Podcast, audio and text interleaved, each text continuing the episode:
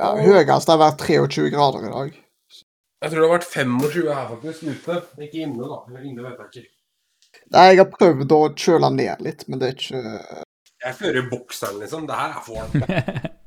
Ja, ja, ja, dude. Jeg gikk og, jeg gikk og heiv søpla i bokseren i stad. Det er liksom Det er fullt lov. BNB Kortbakke. Men Det er ikke veldig upraktisk å ha søppel i bokseren. det, Ja. Altså, tingen er jeg får ikke så mye med meg, da, sant? fordi at det er så det er så lite plass, liksom, når du Ah, noe ja. plass til resten. Sant? Ja. Men, Men, Uh, Så det er veldig upraktisk sånn sett. Men eh, det jeg pleier å gjøre, er at jeg pleier å knytte oss på hverandre og i kanten på bokseren. Sånn at Ah, det er smart. Kjøl, kjøl, kjøl. Hei og velkommen til episode 0x23 av Shellcast. Jeg heter Vetle, jeg jobber som pentester. Du finner meg på Twitter som at bordplate. Jeg eh, heter Alexander, og du finner meg på Twitter som at er det en ting, og jeg eh, jobber òg som pentester. Jeg heter Melvin. Du finner meg på Twitter under Flangvik, og jeg jobber også som pentester.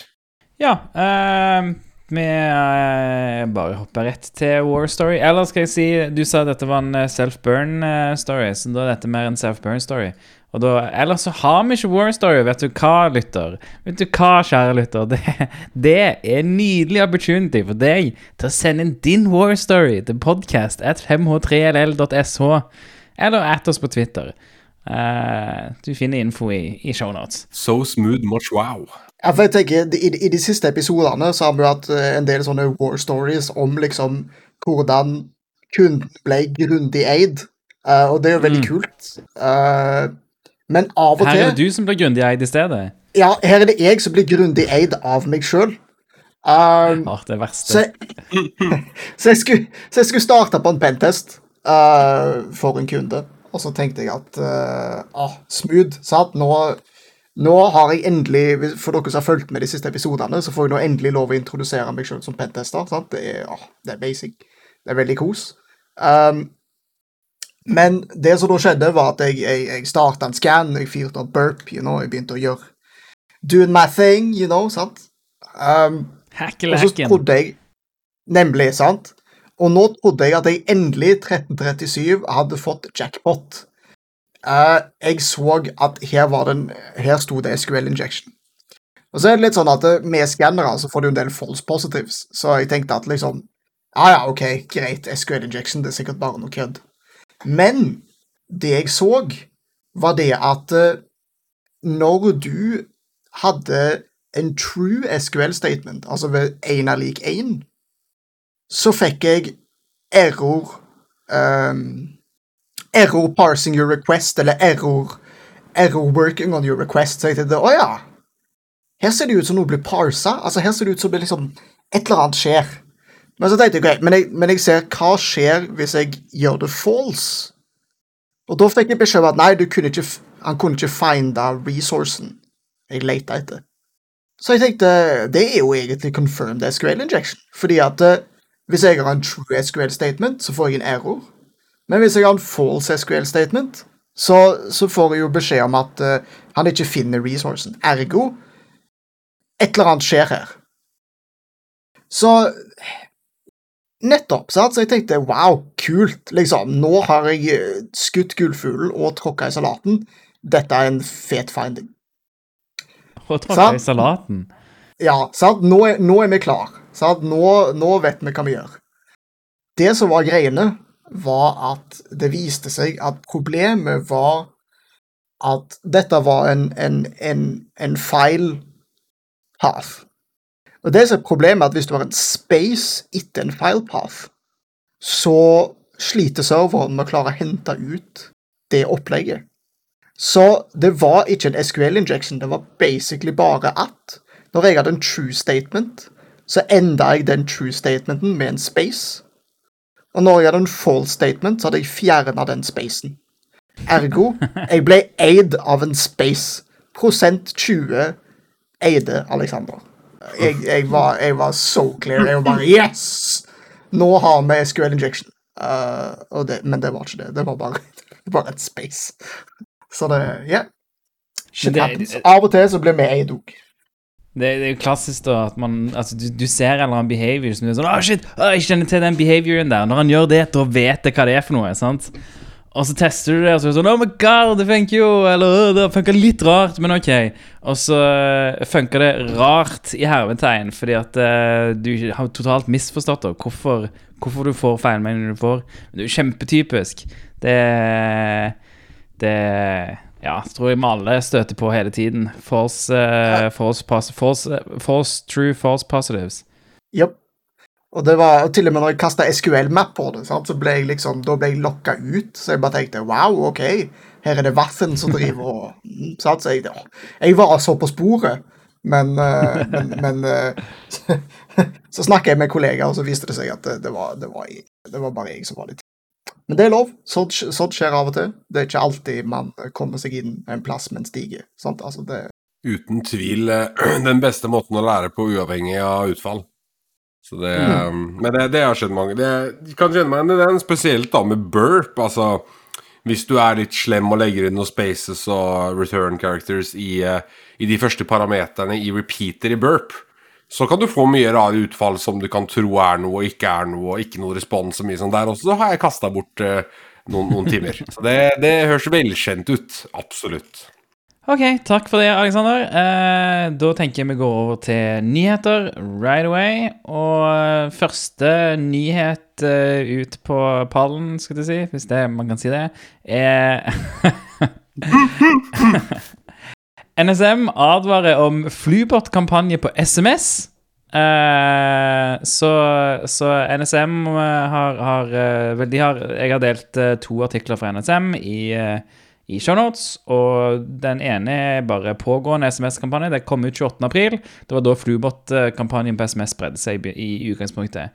Eh, de, i, I utgangspunktet så skrev NSM at SMS-ene var observert skrevet på engelsk.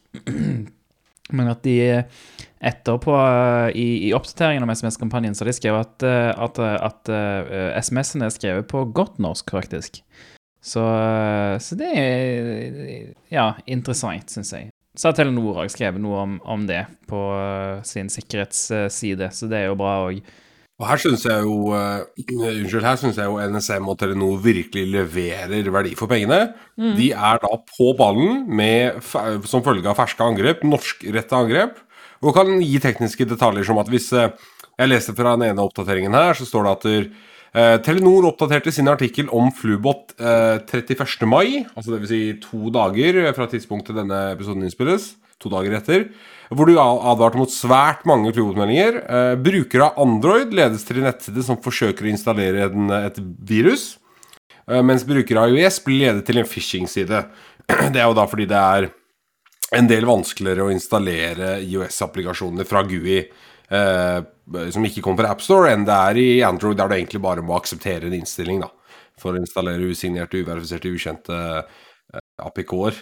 Eh, Så det er litt interessant. vet du. Det her syns jeg det er morsomt. Eller det er jo ikke morsomt, men jeg syns det er artig å se at NSM er avtalen her. Og at det, det er jo ikke morsomt. Det er langt fra morsomt, men at NSM å, så gøy, dere! Flubåten! Det, det, er, morsomt å se liksom, eh, det, Ok, skattepengene mine går i hvert fall til det her, da. At det er liksom, vi, får noe ut av det. At det ikke bare er eh, liksom Intel bak, bak svære murer, som i, i eh, Hva heter man, kaller man det her? Liksom det, det norske eh, ja, Nei, jeg lost for words anyhow. jeg At, det- ja, at det, liksom, at det kommer ut i offentligheten. At det ikke bare er bak eh, innenfor de eh, organisasjonene i norske Det er IT-sikkerhet. ikke gradert. Det er veldig, veldig Ja, at det ikke er gradert, da. Det var en god forklaring. Uh, så igjen, det ligger i shownotes, ta og les det. Det er veldig interessant. Jeg, jeg, jeg er ikke helt sikker på hva flybåt gjør, da. Jeg forstår at du kan installere det, og det står òg i tillegg at eh, for at, det skal, for at du skal kunne installere det, så må du ha aktivert at eh, du skal installere for uoffisielle kilder. Som Telenor sier at eh, det har åpenbart mange gjort. Som jeg trodde ikke var så mange som hadde gjort det på Android. Nei, altså, det, var- det var bare det jeg tenker Jeg vet ikke helt. Jeg bare, jeg vet at det er når, når jeg var på Android, så er det en del sånne applikasjoner som er ganske snasende, som ikke nødvendigvis er på AppStore, eller som er i beta, eller whatever. Og hvis du skal ha de nyeste featurene, så må du herje på. Så det kan være at Ja, ja, ja. ja. Men- Men òg tenk- litt sånn Altså, jeg har fått mye pakker i det siste. Så på en måte, hvis at DHL plutselig sier at du, men tilfeldigvis er du nødt Altså, yeah, I don't. Jeg tror vel kanskje at mye av det her eh, går på at de instruerer dem til å tillate ukjente kilder, enn at det kanskje er ferdig satt opp. Og jeg har faktisk, vet du hva, det er en morsom historie. Det er norsk, eh, mange år til, Nå sporer vi av, unnskyld. Men for mange år tilbake så fant jeg en feil i Norsk Tipping Android-applikasjonen. Eh, og det var en av de applikasjonene som eh, Norsk Tipping da tvang deg til å laste ned fra dømmens hjemmeside og slå på ukjente kilder. Fordi de ikke hadde gått igjennom AppStore-verifikasjonen. Og det her er vel eh, tilbake i 2017-2018, kanskje. Så det er, eh, det er tydeligvis Kan fortsatt være da ganske kjente brands eller eh, selskaper som fortsatt eh, ikke er i Android, Android AppStoren, da, men er i Men at du må laste ned som ukjent. Ja, nei, Epic òg var jo ute med Fortnite og krevde det for å installere Fortnite en periode på Android. Jeg er usikker på om det er sånn nå òg. Men for å ta hva Flubot er, da. Flubot er en bank banking trojan. Så han prøver å hente ut nettbankdetaljer når han, på, når han først er på telefonen. iPhone-brukere for så vidt får bare lenke til en phishing-side i stedet for å måtte laste ned en app. Jeg vet ikke om det er verre eller bedre, men eh, Jeg ville vel tro at Skal jeg gå så langt som å si det er verre? Altså, Jeg vet ikke hva de fisher, om de fisher AppStore creds, eller altså, altså Ja. Apple ID det er creds. sikkert nettbankdetaljer.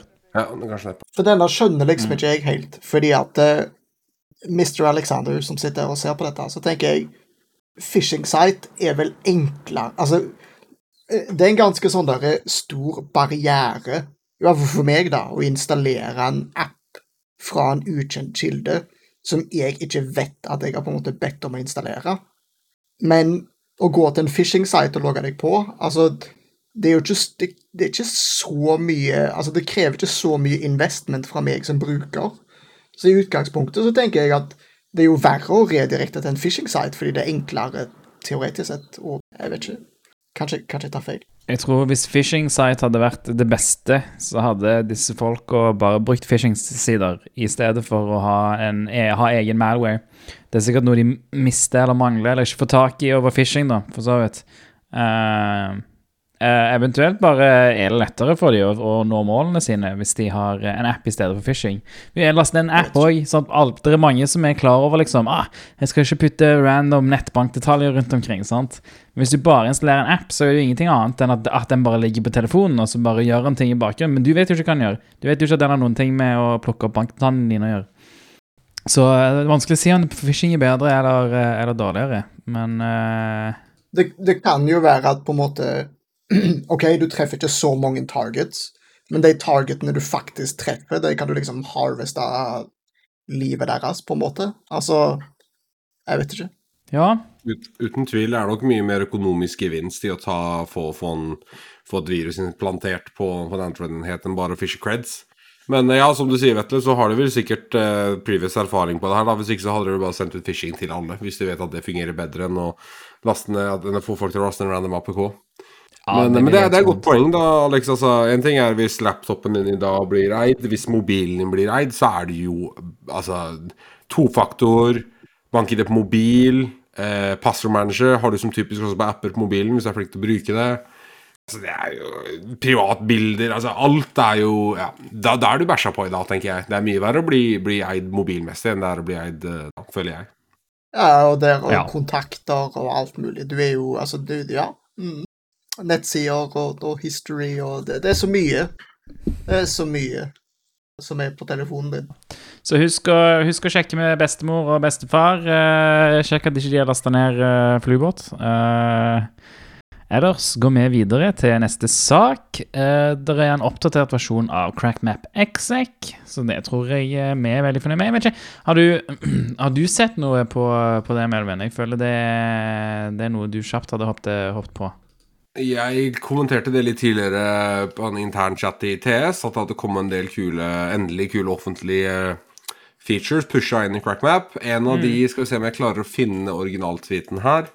En av de jeg la merke til som jeg synes er moro, var jo at der, når du bruker Laps-modulen til CrackMap, CrackMap Execute nå, så kan du Var det en plug-in eller en modul igjen da i Laps-modulen som lot deg eh, finne passord og so, altså, hva skal jeg si, kritisk data, da, eller sensitiv data, i description-fieldet til kontoer i AD. Og det er noe man vanligvis Man kan gjøre det med andre verktøy, men det er veldig handy å bare ha det i CrackMap Execute. eh, og bare ha Modulen het da Get Description Users. Og da søker den gjennom, bruker den en eller annen magisk regex til å finne passord eh, eller eh, annen sensitiv informasjon da i description-fieldet eh, på, på do- domenebrukere. Kanskje du òg bare kjapt, kjapt forklarer hva vi pleier å bruke CrackMapXig til? Jo, så Crap Execute er vel egentlig en sånn go-to-all for, eh, for workstation og server ownage på, eh, på et lokalt nettverk. Crap Execute er et Python-verktøy med et eh, bøttelass med dependencies som har ulike moduler for å kommunisere med forskjellige eh, tjenester, f.eks. SMB, LDAP, eh, MSQL og et par ting som jeg nå ikke husker på sånn fot. Eh, Så da kan jeg f.eks. sjekke da med Hvis jeg har et sett med credentials, så kan jeg prøve å logge inn på 100 datamaskiner med Crack My Execute og se hvem av dem jeg har tilgang til f.eks. fileshares på, hvem av dem kan jeg logge inn på database som, osv. og Så, videre, da. så det er jo egentlig et sånn all-in-one-verktøy for, for, for å oppnå tilgang til maskiner remotely da, på et, eh, på et eh, lokalt nettverk. Eh, og det er jo da maintained utvikla av I wanna say Morello. Er det feil? Marello, Morello, Marcello Nei, jeg blander. Bite Bleeder. MPGN. Ok, vi går for MPG-X64 på Twitter. uh, jeg blanda. Markello er jo mye annet. Mm. Uh, Bite Jo, nei, det er Bitebleeder. Det er det samme teamet. Det er med. Eirik, Eirik skulle vært her nå, han hadde garantert visst det her. Bitebleeder, aka Marcello, er eieren av Repo, i hvert fall. Så la oss si at han er maintaineren. Men jeg ser jo at MPGN også har pusha en oppdatering, sånn, så det er sikkert de to da på vegne av Black Hills som maintainer Crackback Execute. Eh, noen av de andre modulene som kom ut i dag, var at du kunne sjekke på en spesifikk maskin via LDAP-modulen, eller unnskyld, mot en spesifikk bruker via LDAP-modulen, kunne du sjekke hvor mange eh, maskinaccounts han hadde igjen på kvota si. Nå går vi litt dypt her, men eh, kort fortalt, hver eneste domenebruker i eh, et AD-domene kan legge til opptil ti maskinkontor by default, uten å være for høye rettigheter. Så det vi ofte gjør i f.eks. en NTLM relay attack, er at vi legger til en maskin, maskinkonto som en backdoor når vi har credentials eller kan relay hashes da, for en maskin. Eh, Så det kan du sjekke. Da kan jeg se at denne brukeren her har ti maskinkontoer igjen, som er default, som han kan legge til, eller så har han null da, hvis noen har endra på innstillingene. Uh, skal vi se, skal vi ta én til her før vi går helt av sporet. Eh, jo, da kom uh, kodeeksekvering for MSQL-databasen, eller MSQL-modulen. Det er veldig nice. Så da bruker han vel en av de eh, kjente metodene for å oppnå kodeeksekvering på en MSQL-server. Uh, så det er da plug-in MSQL exec. Uh, ja, det er masse mer. Så ta så sjekk eh, tweeten som vi linker i shownotes for eh, flere fine screenshots på eh, hva du kan gjøre med de nye featurene. Ja. Da, eh, det er jo det om, eh, om, om CrackMac Exec. Eh, så er det videre til, til, til hackerland, eh, som er bitter over å bli hacka, altså Russland. Eh, har, har, eh, har gitt ut en rapport da, eh, om at eh, de, de har blitt utsatt for unprecedented hacking campaign eh, aimed at government agencies. Så Reuters.com har skrevet 'unprecedented' i, i quote-tegn, som jeg syns er veldig gøy. Uh, un- unprecedented oh, Gud, hacker attack mot, uh, mot Russland. Unprecedented, faktisk.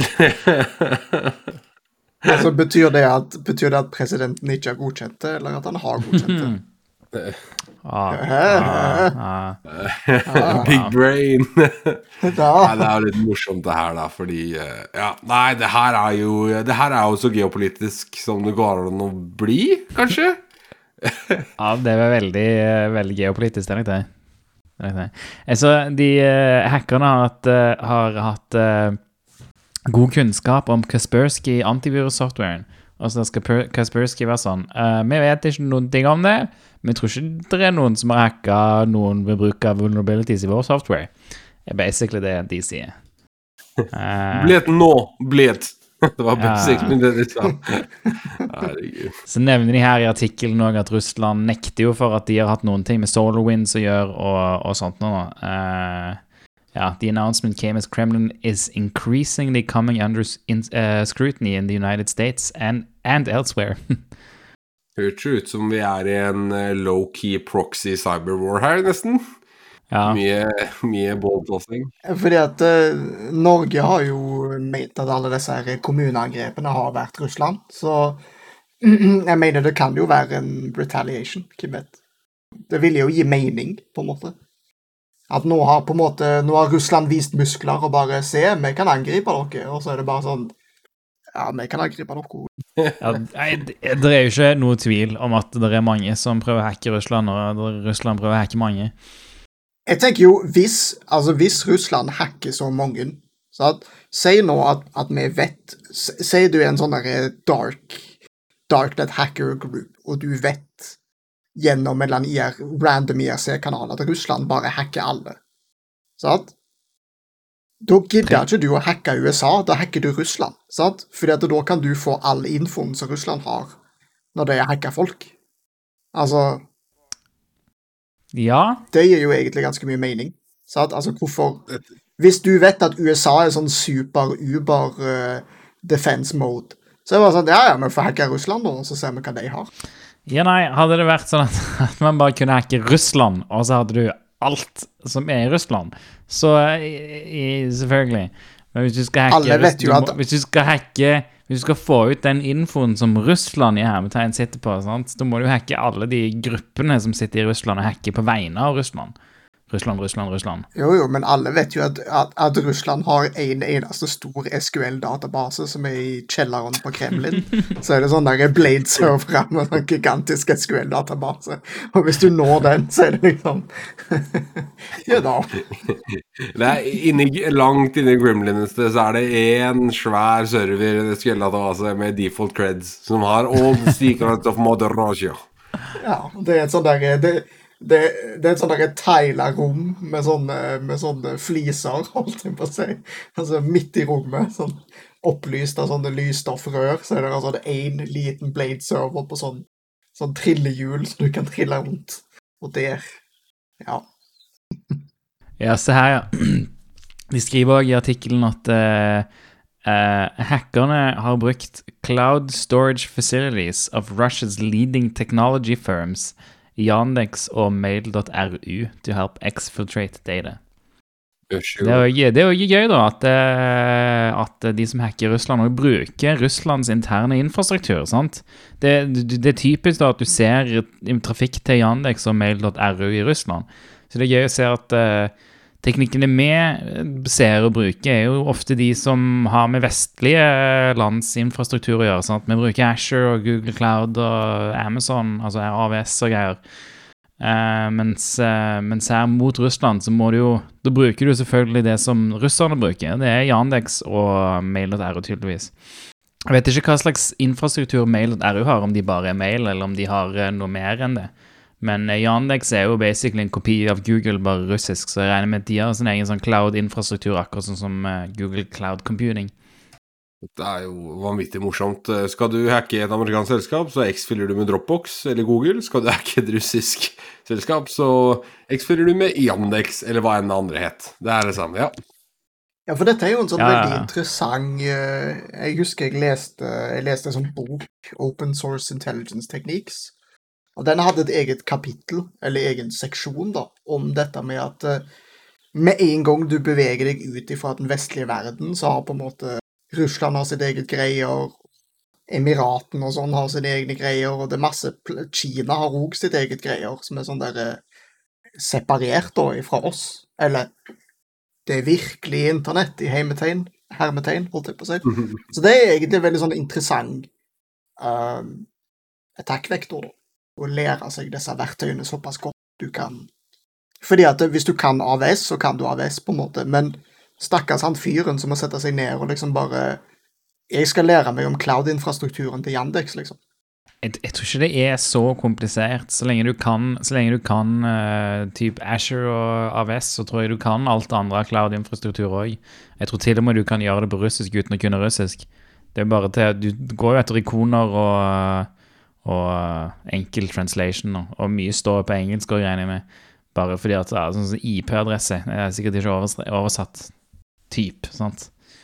MTU Nei, eh, takk til bitre, bitre Russland. Eh, nå skal vi over til noe annet russisk, og det er Hydra. Som er Hydra. Hy- Hydra. Eh, så her er en artikkel på cyberscoop.com om, eh, om hvordan Hydra, et eh, russisk darknet-market, tjente mer enn 1 milliard dollar i 2020. Som er ganske sjukt. Så uh, Gutta, skal vi, skal vi starte for Room, eller? Noen som er med på å starte for Room? På Skal lage et lite marketplace? Anyone? Anyone? Lage et lite ja, mm. Jeg vet ikke, Det forrige marketplacet altså, er ikke det, Begynner vi ikke å nærme oss type Silk Road og sånne ting nå? jo, dette, jo, jo, dette her er jo Dette kommer jo ut ifra Silk Road, selvfølgelig. Um, Stemmer. eller det er jo Altså Hens alt annet. Ja, kommer i vakuumet fra Silk Road, vil man heller si nå. Uh, men det er, Ja. et, eh, det er et darknet marked der som fokuserer på å selge narkotika. Eh, narko narkotikum. Så eh, de Ja, de har visst en, en helt sjuk måte å uh, de, de, de, hva kaller du det? Tømble pengene på? eh, Hvitvaske pengene på? da. Um, som jeg ikke klarte å skjønne eh, ut ifra artikkelen.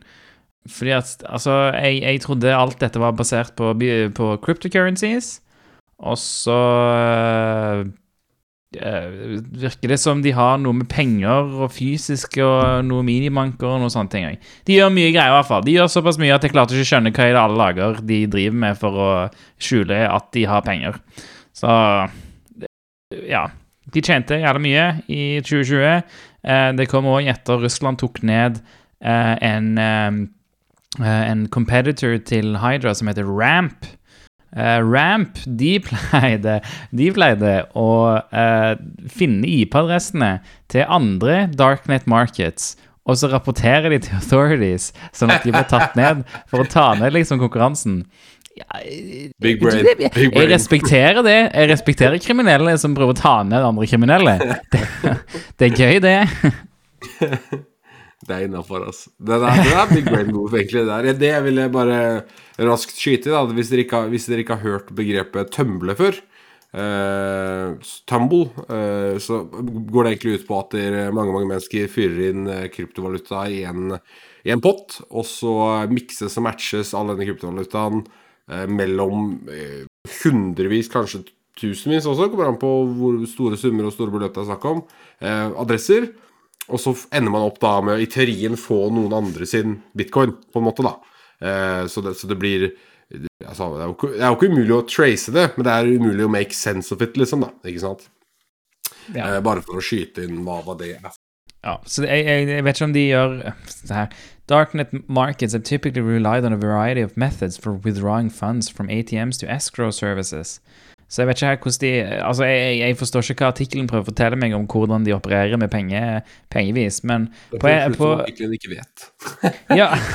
Det er de, litt sånn de skriver, De gjør sikkert det, liksom. ja, for, og de skriver òg at, at det er noe penger som uh, blir overført og, og bekrefta. Altså, de er fysiske hos uh, de som selger òg. De som selger her, er jo ikke De er jo ikke Hydra sjøl, det er jo andre selgere. Så, så pengene skal deg å, Ja, nei. Hvis, hvis du vil skjønne det, så prøv å skjønne Les artikkelen. For jeg eh, Der er Der var jeg, jeg lurer på som hadde en Var det en TED Talk? Som heter I hvert fall en YouTube-video som heter 'Confessions of, a, of a Russian Money Mule'. eh, der hun snakket om at eh, hun kjøpte en Hun kjøpte en sånn kaffemaskin eller et eller annet på eBay. Og hele den videoen handler egentlig om at hun forklarer hvordan uh, en kan hvitvaske penger gjennom å selge ting på nettet mye billigere enn det de egentlig koster. Så det er en del sånne funky metoder for å hvitvaske penger. Ja. Hm. Ja, nei, ja, absolutt, absolutt. Nei, jeg, eh, jeg, jeg, jeg ser det Darknet det, det baserer seg Kjøp regner jeg med baserer seg på eh, Altså, hvis, hvis, hvis noen som kunde da skal kjøpe drugs, regner jeg med at man kjøper de via cryptocurrencies, da. Um, så det, er jo debatten nå som jeg føler er veldig aktuell om, eh, om hele Om cryptocurrencies som helhet, da. Om det er noe positivt, eh, skal man bare ikke tillate det i det hele tatt. Og, eh, og veldig på denne Det er bare brukt til kriminalitet og rants. Altså, ja, det er bare brukt til kriminalitet, basically. Og random trading. En trading for tradingens skyld uh, synes jeg ikke man skal ta helt hensyn til. For jeg føler det er en sånn selv uh, uh, Self Hva heter det for noe? Self-fulfilling En prophecy. pyramideskim. Ja, Nei, nei, men altså at for tra trading for tradingens skyld, liksom, hvis du skal trade Altså, å beholde bitcoin fordi at det er verdi i trading, føler jeg er feil grunnlag å beholde bitcoin på, på en måte. Uh, men jeg føler òg det er feil grunnlag å si vi skal ta vekk bitcoin. Eller ulovliggjøre alt av cryptocurrencies fordi at det blir brukt til ulovlige ting. Sant? vanskelig diskusjon, fordi mange av bankene har jo det som grunnlag. Jeg leste jo, jeg husker ikke om vi snakket om det sist, eller om det var en annen dialog, men vi snakket jo om eh, jeg tror, La oss kalle han Simen, da, som ikke fikk lov til å kjøpe hus for to millioner. eh, Eller der hvor to millioner skulle være eh, egenkapitalen, fordi de pengene hadde han tjent på kryptovaluta. Og da kunne banken umiddelbart dra frem hvitvaskingsloven og si at ah, det, er- det er liksom reasonable å tenke at de pengene kan ha vært i kriminelle, og derfor er det hvitvasking, da. Men det er jo akkurat det samme som å si at den hundrelappen jeg fikk igjen i kassa på bakeren, kan ha vært, eh, vært solgt hasj for en gang. Altså, det blir jo helt, altså, du har jo ikke noe trace på det heller. I det minste, i det minste kryptovaluta så kan du faktisk trace hver eneste transaksjon. GG og trace hvor en hundrelappen eller femtilappen eller tusenlappen har vært de siste to åra, liksom. Ja. Ja, men det er jo sånn, så det er jo helt eh, Nå er vi inne på en annen Nå er vi i dypt vann på en annen tema her, men jeg vil bare si det at jeg syns det er vanvittig hypocritical av banken å si at nei, det kan være hvitvasking, når mesteparten av hvitvasking foregår i store banker for penger for mennesker med stor wealth. Og det har vi jo sett. Jeg tror det var eh, den danske ja. som fikk smekk på pungen i fjor eller noe fordi de hvitvaska mange mange kroner eller et eller annet. Så det er liksom Ja. Uh, dette har vært min sånn argument mot bitcoin i lang stund.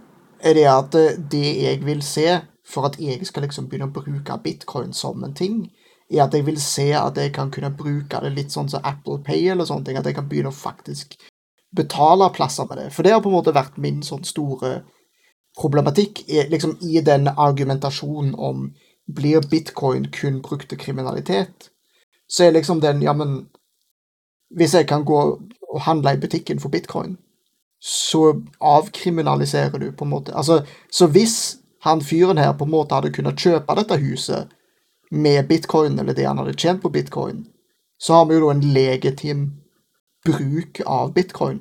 Så jeg mener jo på en måte at det egentlig er å skyte bitcoin i foten, fordi at eh, du som, som, eh, som, som ble sagt her tidligere av Vetle, er det at du, du ender opp med at det blir en self-fulfilling prophecy, fordi du kan ikke bruke bitcoin til noe annet enn kriminelle ting, fordi alle sier at bitcoin bare er kriminelt. Så det blir en sånn der eh, Ja, men hvordan skal du kunne bruke bitcoin til noe annet enn kriminelt? Altså, you know. Altså, jeg, jeg, jeg vil Ja, jeg men jeg vil si det om bitcoin, at bitcoin er feil. Bitcoin i sin Og mye cryptocurrencies, de fleste cryptocurrencies i sin form i dag, har feiler. Altså, de bruker, de bruker Alle transaksjoner og alt det der bruker mye mer datakraft enn enn det som er det som er, Jeg skal ikke si at det, at det er kjempemye, at det er mer enn en 1000 land eller noe, men, men jeg skal si at det er mer enn nødvendig. Cryptocurrencies Det er alternative måter cryptocurrencies kan eksistere på enn bare å bruke den rene datakraften. Og det har vi sett, og det er mye av det som funker. Eh, så cryptocurrency bare- som går på denne datakraftbruken, er ikke, ikke bra. Ikke bra. Det betyr ikke at cryptocurrency som helhet, all cryptocurrency er dårlig. Og det eh, Jeg tror den er viktig. Og jeg vil ikke ulovliggjøre noe basert på at det brukes som ting i Hydra, f.eks. Sant? Bare fordi at det har kriminell bruk, så vil jeg ikke eh, kriminalisere det. Men eh, når, det, når det går utover liksom eh, data, eh, altså strømbruk, da, såpass mye som det gjør, så det føler jeg er en god grunn til å ulovliggjøre det.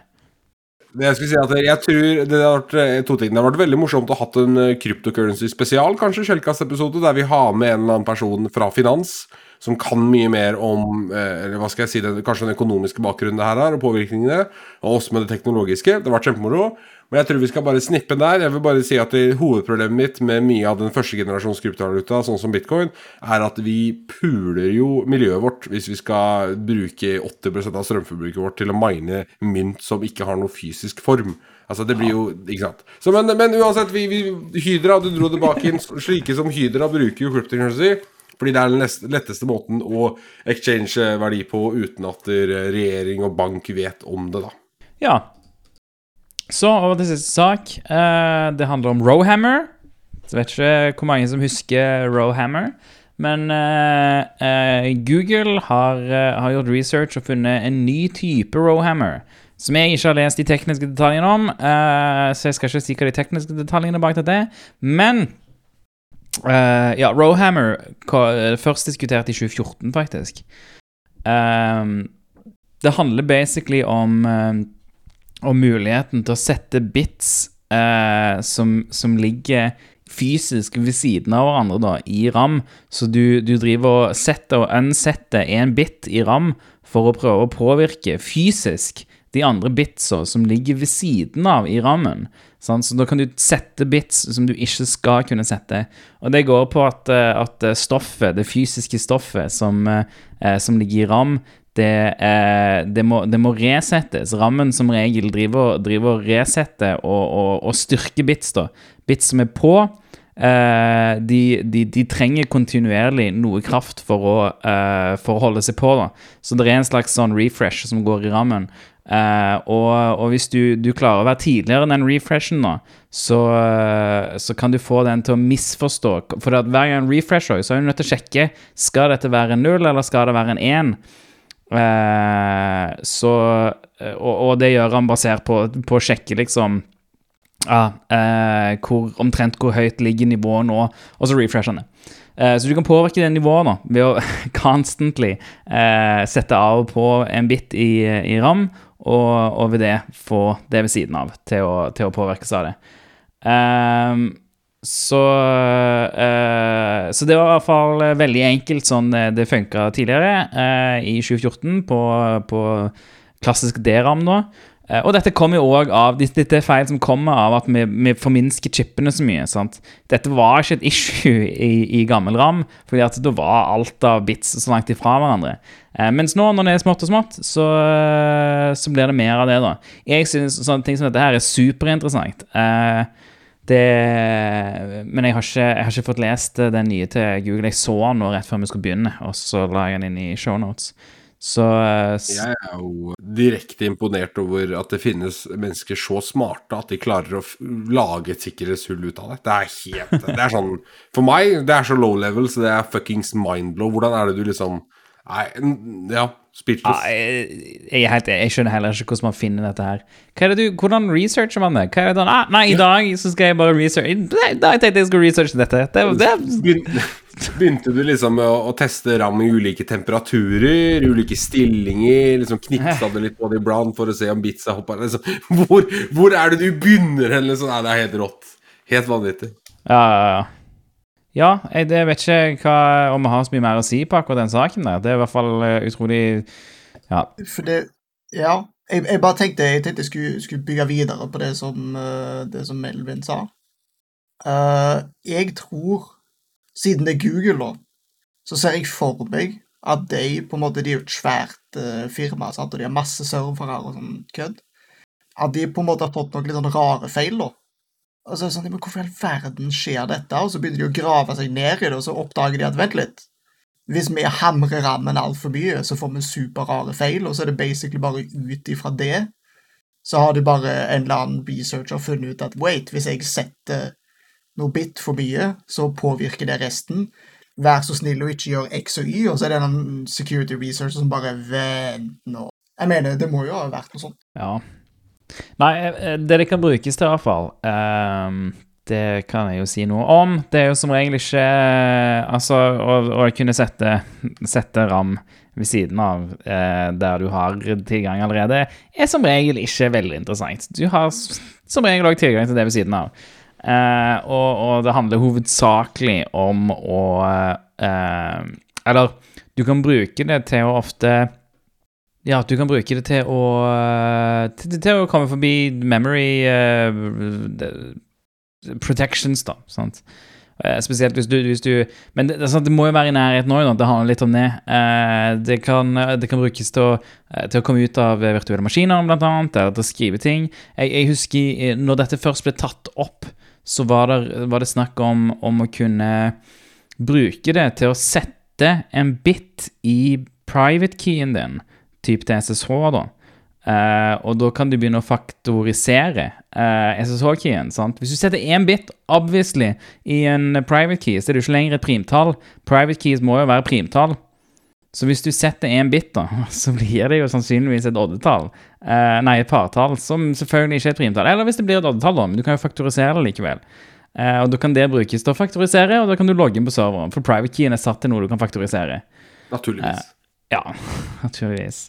Eller det var public Key, eller nøyaktig hvordan angrepet funker, husker jeg ikke. Men, eh, men det, så, sånne ting er eh, Det det er mye du kan gjøre da, med sånt noe. Og, og, men her må du jo selvfølgelig være på samme maskin. Nå, sant? Da må du helst være på Hvis det er, eh, er VPS-maskin der du, du leier server på samme host som flere, da, så er det relevant, relevante typer angrep. Det er jo veldig populært nå med cloud-instanser, cloud-instanser, så ja, det er interessant. utro, veldig interessant uh, research. Det er veldig funky. Vanvittig hardcore edge case å exploite. Uh, jeg er usikker på hvordan den kan være reliable, re- reliable. Usikker på hvor reliable exploiten er across type Altså snakker vi Ja. også- altså, hvordan er det altså, Er det viss type DRAM? Er det, er det liksom manufacturer-basert? Er det kapasitetsbasert? Altså, ja, nei. Høres veldig Jeg har lyst til å se den POP-fila. POP. Ja, nei, jeg håper jeg si er ikke POP, men uh, Oi.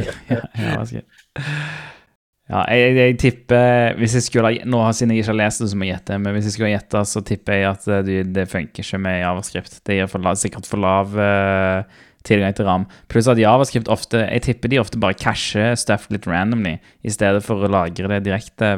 Eller ja, det må jo lagres i RAM nå. Så det er der du casher Kan du gjøre det med en database, kanskje? Altså hvis du, hvis du poker en database Altså hvis du installerer en Ja, database jeg, jeg, jeg tror du må ha jævlig lav latency på hvor mye du kan skrive. Og, og mye database, databaser, blant annet. Og jeg tror, jeg, jeg, tror ikke de skri? Det er for mye filtring og sånne ting. Sant? Så CPU-en Ja. gjør masse greier imellom mellom hver write.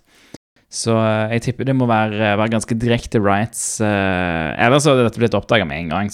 Det, over uh, Altså, det, Ja. det, det skrives jo til RAM hele jævla tiden. Sant? Så hvis, hvis det hadde vært superenkelt å exploite, så hadde det opp, blitt oppdaget med en gang. da. Så her tror jeg det må være ganske direkte rights som, uh, som, som av og på. For Eh, ellers hadde vel dette vært en sånn der type Hva var det det Intel CPU-greiene het? Ah, Spectre. Ja, Spectre Mm. Meltdown-type Altså, da ville du vært furore i hele Ja. Ja, nei. Nei. eh, så, så det var uh, Next Gen Rowhammer. Eh, les eh, mer om det i shownotes. Uh, anbefaler, anbefaler det. Det er alltid interessant. Så går vi over mot slutten. Eh, det er Shell Resources. Det er de siste tingene vi har snakket om den siste uken. Da har vi tre ressurser. Den første er fra Microsoft. Eh, Det handler om Breaking Down Nobeliums latest early stage toolset. Og så er det en, eh, en bloggpost fra Ben Jojo om eh, eh, tofaktor SSH portfluxing. Eller TOTP SSH portfluxing, er vel det bedre sagt. Eh, og så den siste er ifra uh, Cerito.gitlab.io.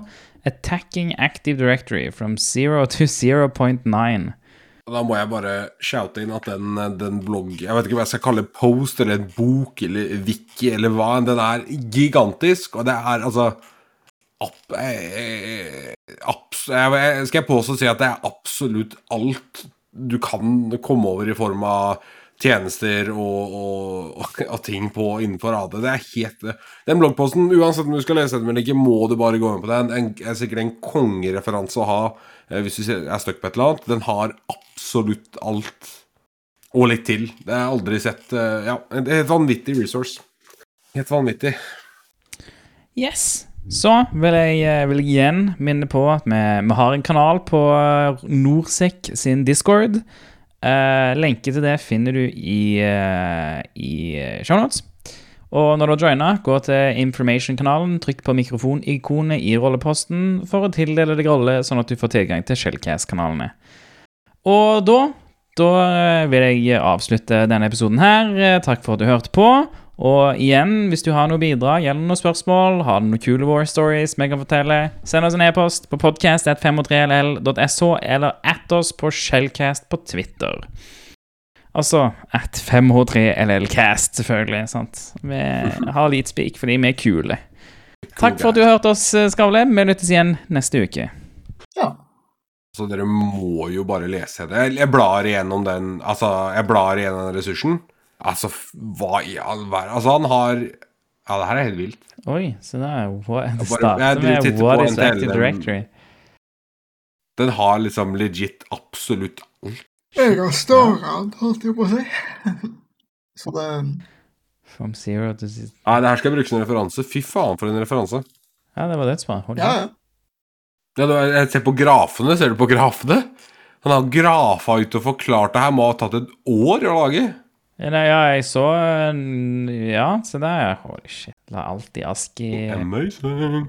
Det er alt, liksom. Holy shit. Ja, men det, det er alt, liksom. Han forklarer helt ned til hva en LM-hash er kontra en NT-hash kontra en NT-LMB2-hash.